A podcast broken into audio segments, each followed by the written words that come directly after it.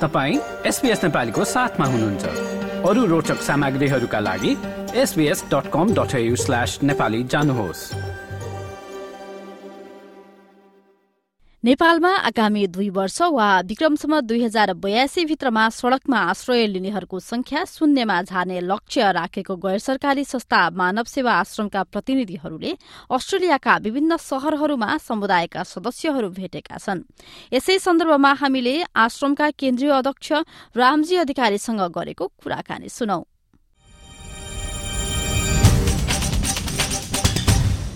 हजुर मेरो नाम रामजी अधिकारी मानव सेवा आश्रमको अहिले केन्द्रीय अध्यक्षको कर्तव्य निर्वाह गर्दै आइरहेको छ। विशेष गरी मानव सेवा आश्रम विगत एघार वर्षदेखि हाम्रो नेपालको सडक पेटी र सार्वजनिक स्थलमा बेसहारा भएर अभिभावकविहीन भएर रहेका सहयोगापेक्षी सडक आश्रित मानवहरूको नाना खाना छाना स्वास्थ्य र शिक्षाको व्यवस्थापन गर्ने अभिष्टले स्थापित संस्था हो र अहिले मानव सेवा आश्रमको छानामुनि आजको दिनमा नेपालको सात प्रदेशको उन्नाइस जिल्लामा चौबिसवटा सेवा केन्द्रको छानामुनि चौबिसवटा सेवा केन्द्रहरूको छानामुनि अठार सयजना आमा बुवा दाजुभाइ दिदीबहिनी बाबु नानीहरू आश्रमको संरक्षणमा हुनुहुन्छ हजुर। हजुर अब तपाईँहरूलाई चाहिँ अब यसरी सडकमा कोही हुनुहुन्छ भन्ने बारेमा जानकारी कसरी लिनुहुन्छ? कि तपाईँहरू आफै त्यहाँनिर गएर खोज्ने गर्नुहुन्छ कि कस्तो हुन्छ त्यो प्रोसेस?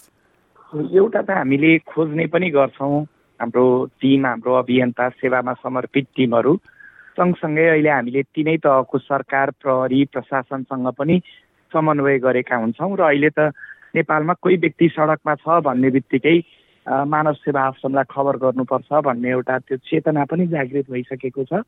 र अहिले सबै तहबाट खबर आउँछ हजुर। हजुर। अब तपाईँहरूको एउटा उद्देश्य पनि रहेको छ होइन? मानव रहित अथवा भनौँ न अलिकति व्यवहारिक अवस्थामा मान कोही पनि मानिस सडकमा नरहन् भन्ने हिसाबले तपाईँहरूले एउटा कुनै वर्षको लागि एउटा एम पनि लक्ष्य पनि राख्नु भएको छ। त्यसको बारेमा बताउनुहोस् न कसरी सम्भव हुन सक्ला त्यो? हजुर अहिले हामीले यो नाथै नाथले बास गरेको देश भनिन्छ नि हाम्रो देश नेपाललाई पशुपतिनाथ मुक्तिनाथ मच्छिन्द्रनाथ गोरखनाथ स्वयम्भूनाथ। यो नाथै नाथले बास गरेको देशमा कसैले पनि अनाथ भएर बस्न नपर्ने अवस्था निर्माण गर्नुपर्छ भनेर हामीले एउटा दुई हजार बयासी मिसन ट्वेन्टी एटी टू भनेर एउटा सङ्कल्प लिएर काम गरिरहेका छौँ। र अहिले अब हामी भाडामा लिएर सञ्चालन भइरहेका आश्रमहरूको हामी आफ्नै भवन निर्माणको कार्यहरू लगभग लगभग हाम्रो अस्सी प्रतिशत जस्तो सम्पन्न भइसकेको छ र दुई हजार एकासी सालभित्र ती सबै भवन निर्माणका कार्यहरू सम्पन्न गर्ने र तिनै तहको सरकारको सहयोग लिएर सबै देश विदेशमा रहनुभएका नेपाली परोपकारी मनहरूको साथ र सहयोगमा हामीले सहयोग अपेक्षित सडक मानव मुक्त राष्ट्र नेपाल निर्माण गरेर घोषणा गर्ने र त्यसको पूर्ण रूपले कार्यान्वयन गर्ने सङ्कल्पका साथ हामीहरू अगाडि बढिरहेको दुई हजार बयासीभित्रको हाम्रो सङ्कल्प हो हजुर। अब यो सङ्कल्पमा त अब भनौँ न सरकारी स्तरबाट पनि अब यो भनेको त सडकमा मानिसहरूले चाहिँ अलिकति व्यवहारिक अवस्थामा अथवा खान लाउन र बस्नै नपाउने अवस्थामा बस्नु नपरोस् भन्ने हिसाबको योजना त अलिकति सरकारको योजनाभित्र पनि पर्नुपर्ने कुरा। तपाईँहरूले सरकारी स्तरबाट चाहिँ कतिको सहयोग समर्थन पाउनु भएको छ त? हजुर एकदमै मिठो साथ पाछौँ हजुर। हामीले अब सुरुवातको दिनमा त हामीले आफ्नो तर्फबाट प्रयास गरिराखेका थियौँ र एउटा वेलफेयर स्टेटमा कोही नभएका बेसाराहरूको जिम्मा त सरकारकै हुन्छ स्वाभाविक रूपले। सरकारले नै गर्नुपर्ने काम हो र अहिले पनि गरिरहनु पर्ने काम त सरकारले नै हो। तर हामी एउटा सरकारको सहयोगी बनेर विगत एघार वर्षदेखि अगाडि बढिराखेका छौँ र अहिले हाम्रो सेवाको स्पिरिटलाई देखेर पनि हुनसक्छ। नेपाल सरकारले यो वर्षको नीति तथा कार्यक्रममै मानव सेवा सम्बद्ध सङ्घ संस्थाको सहकार्यमा दुई हजार बयासी सालभित्र नेपाललाई सहयोग अपेक्षी सडक आश्रित मानवमुक्त राष्ट्र नेपाल निर्माण गर्ने विषयलाई आफ्नो नीति तथा कार्यक्रममा पनि लिएर आएको छ।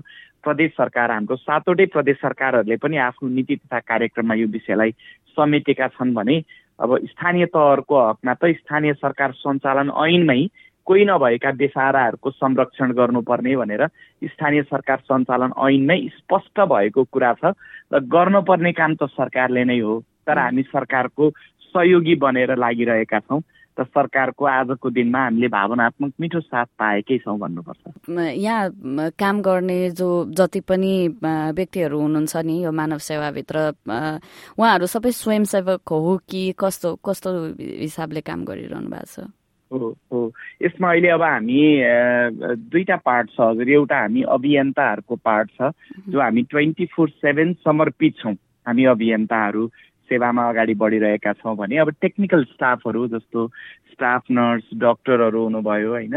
ड्राइभरहरू हुनुभयो कुकहरू हुनुभयो अकाउन्टेन्टहरू हुनुभयो। उहाँहरू चाहिँ पेड स्टाफ हुनुहुन्छ। तर पेडमा पनि अ टाइप अफ भोलिन्टियर हाम्रो त्यस्तो ठुलो एमाउन्ट हामीले त गर्न सकेको हुँदैनौँ तर आश्रमको सेवालाई सहयोग पुग्ने गरी केही पेड स्टाफहरू हुनुहुन्छ भने धेरै चाहिँ भलन्टियर्सहरू हुनुहुन्छ। अब जस्तै तपाईँहरूले त्यसरी सडकबाट जस जति व्यक्तिहरूलाई आश्रममा लिएर आउनुहुन्छ नि अब कुनै एउटा निश्चित समयावधि रहेको छ जति बेलासम्म उहाँहरू त्यो आश्रममा बस्न सक्नुहुन्छ अनि त्यस पश्चात हुन्छ नि उहाँहरूलाई रिसेटलमेन्ट गराउने अथवा समुदायमा फेरि फर्काउने हिसाबको पनि प्लानिङ छ कि उहाँहरूले त्यहाँ कुनै सीमा छैन कहिलेसम्म बस्ने भन्ने? हजुर यस्तो छ हजुर। अब हामीले सडक पेटीबाट आमा बुवाहरू बाबु नानीहरू जति पनि बेसहारा भएर रहेका व्यक्तिहरूलाई पहिला त उद्धार गरेर मानव सेवा आश्रमको छानामुनि लिएर आइसकेपछि सबैभन्दा ठुलो उपचार भनेको भावनात्मक उपचार नै हो प्रेम नै हो।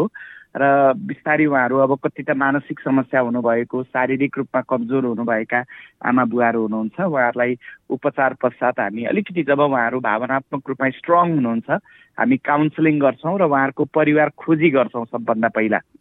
र परिवार खोज्दा परिवार भेटिएको अवस्थामा चाहिँ हाम्रो पहिलो प्राथमिकता भनेको उहाँहरूलाई सुखद पारिवारिक पुनर्मिलन नै गराउने हुन्छ। र आजको दिनसम्म हामीले लगभग चार हजारको नेराघेरामा व्यक्तिहरूलाई यो एघार वर्षको बिचमा पारिवारिक पुनर्मिलन गराइसकेका छौँ। लगभग पाँचजना त बङ्गलादेशी नागरिकहरू हामीले बङ्गलादेशमै पुगेर सयौँ भारतीय नागरिकहरूको पारिवारिक पुनर्मिलन भइसकेको छ भने हामी देशभित्रको आमा बुवाहरूको त पारिवारिक पुनर्मिलन भइ नै रहेको छ। हाम्रो पहिलो उद्देश्य चाहिँ पारिवारिक पुनर्मिलन गराउने हुन्छ र परिवार नभेटिएको अवस्थामा आश्रममै राखेर उहाँलाई सेवा गर्नुपर्ने त भइ नै हाल्यो हजुर अब ए तपाईँहरूले देख्नु भएको जति पनि सडकमा यसरी आश्रय लिएर बस्नुभएका व्यक्तिहरूमा चाहिँ विशेष गरेर अलिकति कमन देखिएको समस्या अथवा के कारणले गर्दाखेरि चाहिँ उहाँहरू सडकसम्म आइपुग्नु भयो भन्नेमा के पाउनु भएको छ? हजुर अब अहिले विशेष गरी अठार सयजना मानव सेवा आश्रमको आजकै दिनमा मानव सेवा आश्रमको छानामुनि हुनुहुन्छ हाम्रा आमा बुवा दाजुभाइ दिदीबहिनी।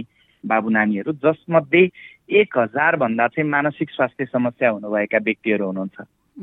त्यसै गरी तिन सयभन्दा बढी ज्येष्ठ नागरिक आमा बुवाहरू हुनुहुन्छ भने एक सय बाहन्नजना चाहिँ बाबु नानीहरू हुनुहुन्छ र डिसेबलदेखि लिएर सबै समस्या हुनुभएका दुई चारजना दुई चारजना हुने कुरा भइ नै हाल्यो। र आज हाम्रो नेपालको सडक पेटीमा आमा बुवाहरू दाजुभाइ दिदीबहिनीहरू आइपुग्नु पर्ने अवस्था जुन बनेको छ यसका धेरै कारणहरूमध्ये मेजर केही रिजन्सहरू भनेको चाहिँ एउटा त हाम्रो देशको चरम गरिबीको कारणले पनि आज मानिसहरू सडक पेटीमा आइपुग्नु पर्ने बाध्यता छ। भने अर्को भनेको चाहिँ आज जुन मानिसहरूको नैतिकतामा जुन किसिमको रास आउँदै गइरहेको छ आफ्नो परिवारप्रति जिम्मेवार नहुने होइन आफ्नै बा आमालाई सडक पेटीमा लगेर छोडिदिने आफ्नै परिवारमा अलिकति मानसिक रोगी हुने बित्तिकै उहाँहरूको स्याहार सुसारमा गाह्रो मान्ने जसको कारण मान्छेहरू सडकमा आइपुग्नु भएको छ भने अर्को कारण भनेको चाहिँ मान्छेको एटिट्युड प्रब्लम भनिन्छ नि। मान्छे अभावले भन्दा पनि आफ्नै नराम्रो स्वभावले मान्छे दुःखी हुँदो रहेछ। र घरमा अलिकति सामान्य कुरामा बेमेल हुने बित्तिकै परिवारहरूसँग होइन झगडा गरेर बाहिर आउने।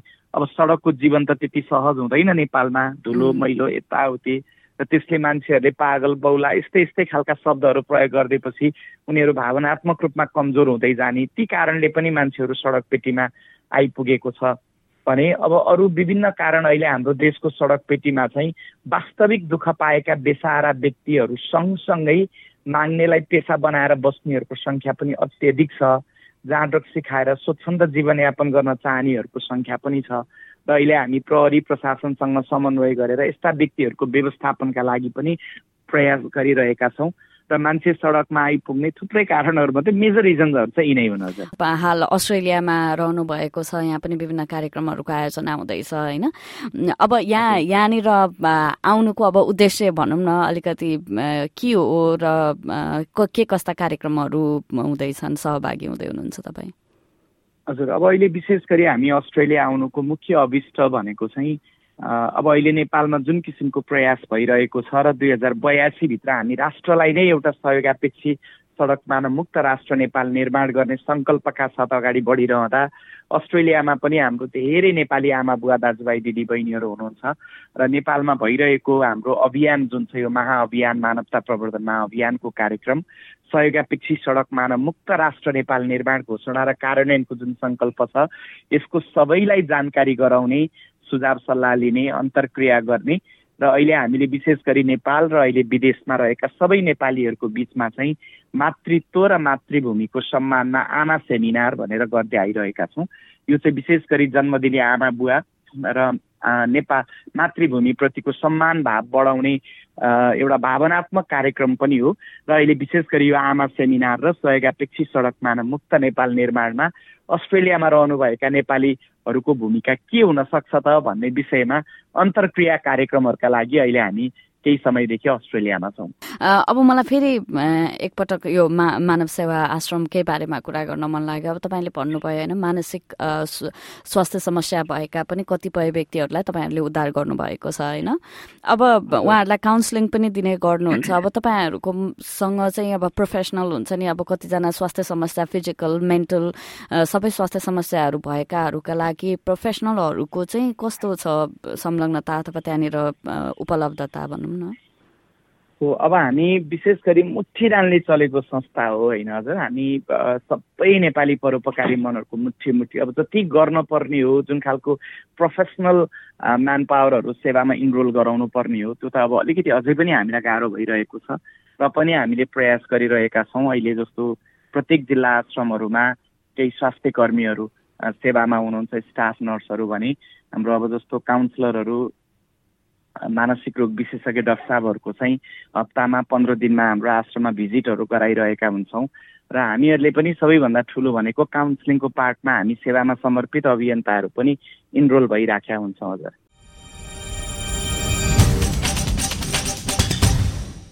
नेपालको मानव सेवा आश्रमका केन्द्रीय अध्यक्ष रामजी अधिकारीसँग सहकर्मी सुनिता पोखरेलको यो कुराकानीपछि सन्दर्भ जोडौं। विश्व गैर सरकारी संस्था दिवसको। हरेक वर्ष सत्ताइस फेब्रुअरीलाई विश्व गैर सरकारी संस्था दिवसको रूपमा मनाउने गरिएको छ। यस वर्षको नारा रहेको छ building a sustainable future the role of NGOs in achieving the sustainable development goals संयुक्त राष्ट्रसंघले सत्रवटा दिगो विकासका लक्ष्यहरू निर्माण गरेको छ जसमा गरिबी उन्मूलन स्वास्थ्य शिक्षा लैंगिक समानतादेखि जलवायु ऊर्जा र अर्थतन्त्र रहेका छन्। यस विषयमा हामीले मेलबर्नका लेक्चरर सावित्रा काफ्लेसँग कुराकानी गरेका छौं। उनी सेन्ट्रल क्विन्सल्याण्ड युनिभर्सिटीमा पब्लिक हेल्थको विषयमा आबद्ध छिन् र नेपाल र अस्ट्रेलिया दुवै ठाउँमा गैर सरकारी संस्थाहरूसँग संलग्न भएकी छिन्। समाजमा दीर्घकालीन रूपमा परिवर्तन ल्याउन गैर सरकारी संस्थाहरूको भूमिका के छ त? काफ्लेसँग सहकर्मी दिनिता रिसालको यो कुराकानी सुनौ।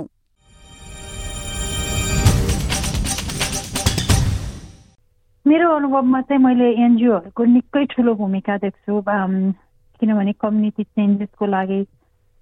सबभन्दा के हुन्छ भने एनजिओ भनेको चाहिँ ग्रास रुट्स हो क्या जस्तै फर्स्ट स्टप। अब हामीले सिस्टम ओभरअल सिस्टमको नेसनल सिस्टमको हिसाबले हेर्दाखेरि कन्ट्रीको हेल्थ सिस्टम अथवा कन्ट्रीको डेभलपमेन्ट सिस्टमको हिसाबले हेर्दाखेरि के हुन्छ भने एनजिओ भनेको लोकल एनजिओ त्यो चाहिँ कम्युनिटीमा गाउँमै बसेर गाउँलेहरूसँगै मिलेर प्लान गरेर काम गर्ने खालको संस्था। र अब सस्टेनेबल डेभलपमेन्ट गोल्सको टार्गेट भनेको ट्वेन्टी थर्टी टार्गेट भन्ने छ अहिले अब युएनले ट्र्याकिङ गरिरहेको चाहिँ होइन? त्यो ट्वेन्टी थर्टी आउन त अब धेरै बाँकी छैन। ट्वेन्टी ट्वेन्टी फोर भइसक्यो। अब छ वर्ष मात्रै बाँकी छ हामीसँग। र अनि सबै कन्ट्रीले त्यसको ट्र्याकिङ राम्रोसँग गर्न सकिरहेको छैन। अनि त्यो हिसाबले अब अब त्यो जुन सस्टेनेबल डेभलपमेन्ट गोल्सलाई एचिभ गर्नको लागि त्यो टार्गेट मिट गर्नको लागि एनजिओजहरू भनेको जो कम्युनिटीमा डिरेक्टली एनजिओको एनजिओहरू के हुन्छ कम्युनिटी बेस्ड एनजिओलाई राम्रोसँग मोबिलाइज गर्न सक्यो भने they are the best platform अथवा बेस्ट एजेन्सी कि अब कम्युनिटीको समस्या बुझ्ने किनभने त्यसका मान्छेहरू चलाउने मान्छेहरू पनि कम्युनिटीबाटै आएका हुन्छन् त्यो कल्चर अन्डरस्ट्यान्ड गर्ने त्यो कम्युनिटीको आवश्यकताहरू के के छ कम्युनिटीले के चाहन्छ त कस्तो हिसाबले इन्गेज हुन चाहन्छ उनीहरूको समस्यालाई कसरी समाधान गर्न सकिन्छ भन्ने खालको जुन कम्युनिटी बेस्ड सोल्युसन्सहरू त्यहीँबाट आउँछ त्यो हिसाबले अब सबभन्दा बेस्ट चाहिँ के हो भने यदि हामीले कम्युनिटी बेस्ड एनजिओहरूलाई राम्रोसँग मोबिलाइज गर्न सक्यौँ भने उनीहरूको रोल एकदमै महत्त्वपूर्ण छ। एनजिओहरूको कुरा गर्दाखेरि अब कति मानिसहरूलाई चाहिँ एनजिओहरूको काममा या त अब उनीहरूलाई सहयोग गर्न अलिकति हिचकिचाहट भएको पनि हामीले देख्छौँ नि त किनकि अब धेरैवटा कुनै स्क्याम हुनसक्छ या त अब उनीहरूको काममा अनियमितता देखिएको या पारदर्शिता नभएको त्यस्तो पनि हुनसक्छ। त्योमा अब प्रमुख रूपमा त मानिसहरूले विश्वास गर्न नसक्ने कारण चाहिँ के होला र त्यो परिवर्तन गर्न चाहिँ के गर्न सकिन्छ जस्तो लाग्छ तपाईँलाई?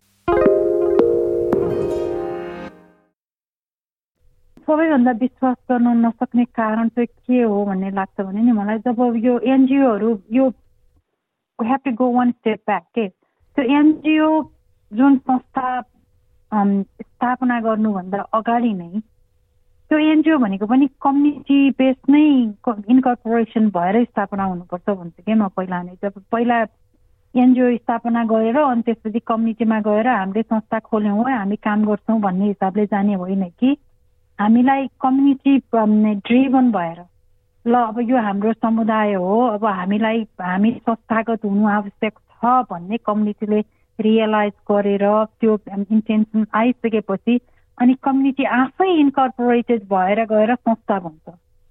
अनि यो डेभलपमेन्टमा चाहिँ एकदमै इन्फेसिस गरेको विषय अहिले के हो भने जब कम्युनिटी आफै इम्पावर भएपछि अनि उनीहरू संस्था बन्न सक्छन्।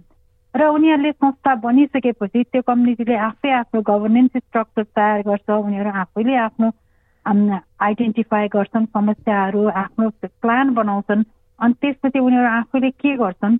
अब हामीले कहाँबाट यो समस्या समाधान गर्नलाई के फन्डिङ कहाँबाट ल्याउन सकिन्छ भन्ने हिसाबले कम्युनिटी आफै एक्टिभ भएर कोही फन्डिङ गभर्मेन्टबाट अथवा अरू किन युएनबाट अथवा अरू इन्टरनेसनल एजेन्सीहरूबाट अथवा फिलान्थ्रोपिक अर्गनाइजेसनहरूबाट फन्डिङ जुटाएर अनि काम गर्ने खालको हिसाबले त्यो प्रोसेसमा एनजिओ को जुन हुन्छ नि अब स्थापना नै त्यसरी भयो भने अब अहिले त्यो रिभर्स के हुन्छ भने संस्था दर्ता हुन्छ त्यसपछि कमिटीमा गएर ल हामीसँग यो प्रोग्राम गर्न आएको भनेर जाने हुन्छ। त्यो गर्दाखेरि ट्रस्ट त्यहाँ नै हो। किन चाहियो हामीलाई अर्को संस्था भन्ने कुरा? र के को लागि कसको फाइदाको लागि? त्यही भएर त्यसलाई पुरै रिभर्स प्रोसेसमा गएर संस्था नै कम्युनिटीबाटै डिस्कसन सुरु होस् त्यही कम्युनिटी संस्थागत बनोस् उनीहरूले नै गभर्नेन्स स्ट्रक्चर तयार गर्छन्। ओपन कम्युनिकेसन्स हुन्छ लिडरसिप त्यहीँबाट फर्म हुन्छ। र त्यसपछि त्यहीँ के हुन्छ भने समस्याको लागि के के चाहिने भन्ने प्लानिङ त्यहीँ हुन्छ भने त्यसरी मात्रै त्यो ट्रस्ट भन्ने गेन गर्न सकिन्छ। कि ट्रस्ट ट्रस्ट त्यहाँ के हुन्छ? गेन हुन्छ र सस्टेन पनि हुन्छ। त्यही भएर मेरो रिकमेन्डेसन चाहिँ के हो भने नि अब ठिकै छ अब अब लेट चाहिँ अब पहिल्यै संस्थाहरू बनिसकेका छन् अब उनीहरूको ट्रस्ट कसरी लिने भन्ने। अब पहिल्यै बनिसकेका संस्थाहरू के हुनुपर्छ? अथेन्टिक हुनुपर्छ। अब ट्रान्सप्यारेन्ट हुनु पर्यो र त्यसपछि कम्युनिटीमा जाँदाखेरि यत्तिकै जाने भने कि कम्युनिटीसँग पर्मिसन लिनुहोस्। कम्युनिटीले तपाईँहरूलाई चाहन्छ कि चाहँदैन। ल कम्युनिटीले तपाईँलाई चाहन्छ भने किन? कम्युनिटी पहिला के हुन्छ भने त्यो समुदायलाई के फाइदा हुन्छ? कस्तो खालको कार्यक्रम हो? त्यो प्रोग्राम कम्युनिटीलाई चाहिएको छ कि त्यो कम्युनिटीको निड नै नहुन पनि सक्छ। भने त्यही हिसाबले ओपन डायलग र ट्रान्सप्यारेन्ट प्रोसेसको हिसाबले गएर गुड गभर्नेन्स एकदमै जरुरी छ। गुड गभर्नेन्स भनेको त्यहाँ कसलाई के बेनिफिट आयो कसको रिसोर्सेसको एक्सेस कहाँ छ कसरी छ भन्ने कुराहरू चाहिँ सबै क्लियर रूपमा कम्युनिकेसन भयो भने मात्रै। ट्रस्ट गेन हुन्छ नभए ट्रस्ट गेन हुँदैन अथवा त्यस्तो खालको एनजिओ चाहिँ जति राम्रो काम गरेको छु भने पनि जब कम्युनिटीको ट्रस्ट हुँदैन भने त्यसलाई राम्रो मान्न सकिँदैन। मेरो विचार चाहिँ त्यही हो पर्सनली अनि नेपाल बेस्ड एनजिओहरूमा चाहिँ कतिको तपाईँले पारदर्शिता पाउनु भएको छ? उनीहरूको हुन्छ नि अकाउन्टेबिलिटीहरूको कुरा गर्दा? नेपालमा यति धेरै एनजिओ छन् नि अब जस्तै अब मैले ट्वेन्टी इयर्स अगाडिकै कुरा गर्दाखेरि पनि त्यहाँ अति धेरै एनजिओ पहिले नै थिए है। अनि म अहिले पनि म रिसर्चको लागि नेपालमा काम गर्छु कहिलेकाहीँ धेरै पार्टमा अनि अहिले पनि साथीहरू भन्नुहुन्छ यति धेरै एनजिओ छ यति धेरै एनजिओ छ भन्नुहुन्छ कि मेरो आफ्नै साथीहरू कतिजना एकजना साथी मेरो यो संस्था अर्को साथी यो संस्था भनेर कन्ट्याक्ट गर्नुहुन्छ। अनि मैले नेपालमा देखेको प्रब्लम चाहिँ यो हो। मान्छेले एनजिओ दर्ता गरिहाल्ने आफ्नो फाइदाको लागि एउटा काम गरिहाल्ने अनि त्यसपछि उहाँहरूको सस्टेनेबल प्लान छैन। स्ट्रेटेजिक प्लान पनि हुँदैन कति एनजिओहरूको के गर्ने? तपाईँहरूको मेन के फोकस हो? के भ्यालुज हो? के कुन हिसाबले जाने हो? के छ भन्दाखेरि हाम्रो केही पनि छैन। अब पैसा कताबाट पाइन्छ ल्याउने अनि जे गर्न सकिन्छ काम गर्ने। सबभन्दा मेन प्रब्लम चाहिँ मैले नेपालमा एनजिओहरूको देखेकै थिएँ हो। सबै त्यो के भने यो नन फर प्रफिट भन्ने एनजिओ त नन फर प्रफिट कम्युनिटी बेनिफिटको लागि ड्रिभन हुनुपर्छ नि। तर त्यसको के छ भने पर्सनल बेनिफिटको लागि ड्रिभन छ र प्रफिटको लागि ड्रिभन छ. र कम्युनिटीको बेनिफिट भनेको एकदमै कम छ. अनि त्यो हिसाबले गर्दाखेरि अब धेरै नाइन्टी पर्सेन्ट एनजिओहरूको प्रब्लम चाहिँ मैले नेपालमा देखेको अहिले त्यही हो। छन् त्यहाँ राम्रा एनजिओ संस्थाहरू छन् जस्तै नामै भन्नुपर्दा तपाईँले माइती नेपालकै कुरा गरौँ त्यो स्ट्रक्चरको हिसाबले एनजिओ नै हो। तर राम्रो काम गर्छन् अब के अरे मेन प्रब्लम जे छ त्यसलाई ट्याकल गरेर काम गर्छन् त्यस्ता संस्थाहरू पनि छन्। उनीहरूलाई हामीले एप्रिसिएट गर्नुपर्छ। सबैलाई एउटै बास्केटमा राख्न मिल्दैन। तर जो संस्थाहरू प्रफिट र पर्सनल बेनिफिटको लागि हिँडेका छन् दे हेभ टु रिथिङ्क र दे निड टु रियली त्यो कम्युनिटीहरूलाई चाहिँ प्ले गर्नु हुँदैन। कि रियली अथेन्टिक रेस्पेक्टफुल र कम्युनिटीलाई बेनिफिट हुने हिसाबले मात्रै जानुपर्छ। इथिकल प्र्याक्टिस हुनु पर्यो भन्ने चाहिँ मेरो एडभाइस हो मेनली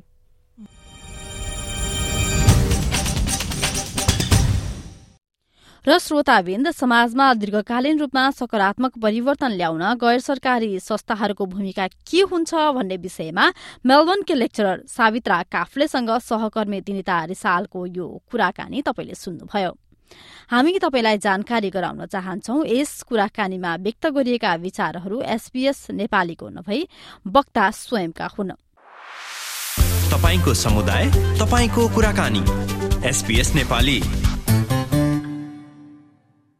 अब यही सन्दर्भमा नेपालमा एनजिओ आइएनजिओहरूको सञ्चालन कसरी हुन्छ र नियमन कसरी भइरहेको छ भन्ने बारे नेपालको सामाजिक कल्याण परिषदका सूचना अधिकृत सञ्जय कुमार मल्लिकसँगको कुराकानी सुनौ। सञ्जयजी नेपालमा दर्ता भएका एनजिओ र आइएनजिओको संख्या कति रहेको छ? छप्पन्न हजार करिब आइएनजिओ हामी कहाँ दर्ता छ।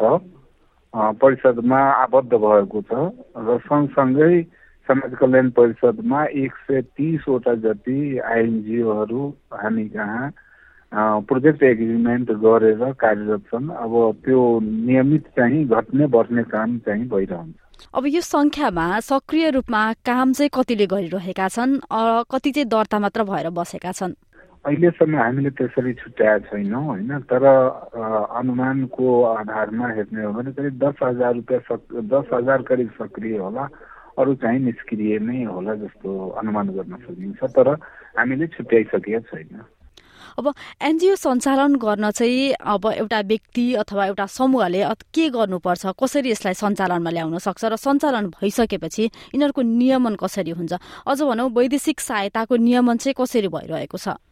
यस्तो हुन्छ कुनै पनि संस्था नेपाली नागरिकलाई चाहिँ दस बिसजना बसेर एउटा समूह बसेर देशको विकासको लागि समाजको उत्थानको लागि एउटा सामाजिक संस्था दर्ता गर्न पाउने अधिकार छ जस संस्था दर्ता ऐन दुई हजार चौतिस अनुसार चाहिँ ऊ दर्ता हुन्छ र दर्ता पश्चात समाज कल्याण परिषदमा आबद्ध हुन्छ त्यस्तै कम्पनीमा पनि दुई हजार त्रिसठीमा संशोधन अनुसार चाहिँ उसले चाहिँ मुनाफा नवितरण गर्ने कम्पनीको रूपमा त्यहाँ दर्ता हुन्छन् र हामी कहाँ आबद्ध भएर उसले काम गर्छ। जति पनि सामाजिक गैर सरकारी संस्था छ त्यो वैदेशिक सहयोगमा काम सञ्चालन गर्दाखेरि समाज कल्याण परिषदको अनिवार्य रूपमा स्वीकृति लिने प्रावधान छ। त्यो अनुसारले वैदेशिक सहयोगमा कुनै कार्यक्रम सञ्चालन गर्छन् भने संस्थाहरूले निश्चित प्रक्रिया पुरा गरेर उसले यहाँबाट स्वीकृति लिएको हुन्छ र त्यसको हामी जसरी तिन वर्षको कार्यक्रम छ भने हामी मिड र फाइनल इभ्यालुएसन गराउँछौँ त्यो पनि थर्ड पार्टीबाट र तिनभन्दा कम छ भने एकपटक मूल्याङ्कन गर्ने गरेको छ। अब जति पनि संस्था छ उसको नियमनको निकाय के हुन्छ भने ऊ वार्षिक रूपमा जति पनि उसको कार्यक्रम गरे हुन्छ त्यसको अडिट गराउँछ प्रोग्रेस लिन्छ जिल्लामा दर्ता हुन्छ अनि उसले आफ्नो विवरणहरू मास वार्षिक रूपमा हरेक निकायमा पेस गर्छ र त्यही अनुसारले ऊ सञ्चालित हुन्छ। होइन जुन पनि नेपाली नेपालमा बसेर कमाएर यही यहीँबाट पैसा कुनै संस्था मार्फत सञ्चालन हुन्छ भने त्यसलाई हामी लोकल करेन्सीको रूपमा नेपाली नै बुझ्छौँ र कुनै पनि नेपाली व्यक्तिले विदेशमा बसेर उसले कुनै संस्थालाई पैसा सहयोग गर्छ भने त्यो वैदेशिक सहयोग नै हामी गणना गर्छौँ र त्यसको नियमअनुसार स्वीकृति लिएर काम गर्नुपर्ने हुन्छ।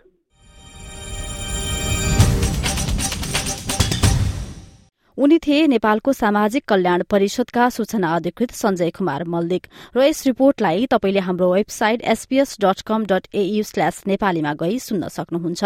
वा आफ्नो फोनमा एसपीएस अडियो एपलाई निशुल्क डाउनलोड गर्नुहोस्। यो जस्तै अन्य प्रस्तुति सुन्न चाहनुहुन्छ? एप्पल पोडकास्ट गुगल पोडकास्ट स्पोटिफाईमा हामीलाई खोज्नुहोस् वा तपाईँले पोडकास्ट सुन्ने अन्य सेवामा।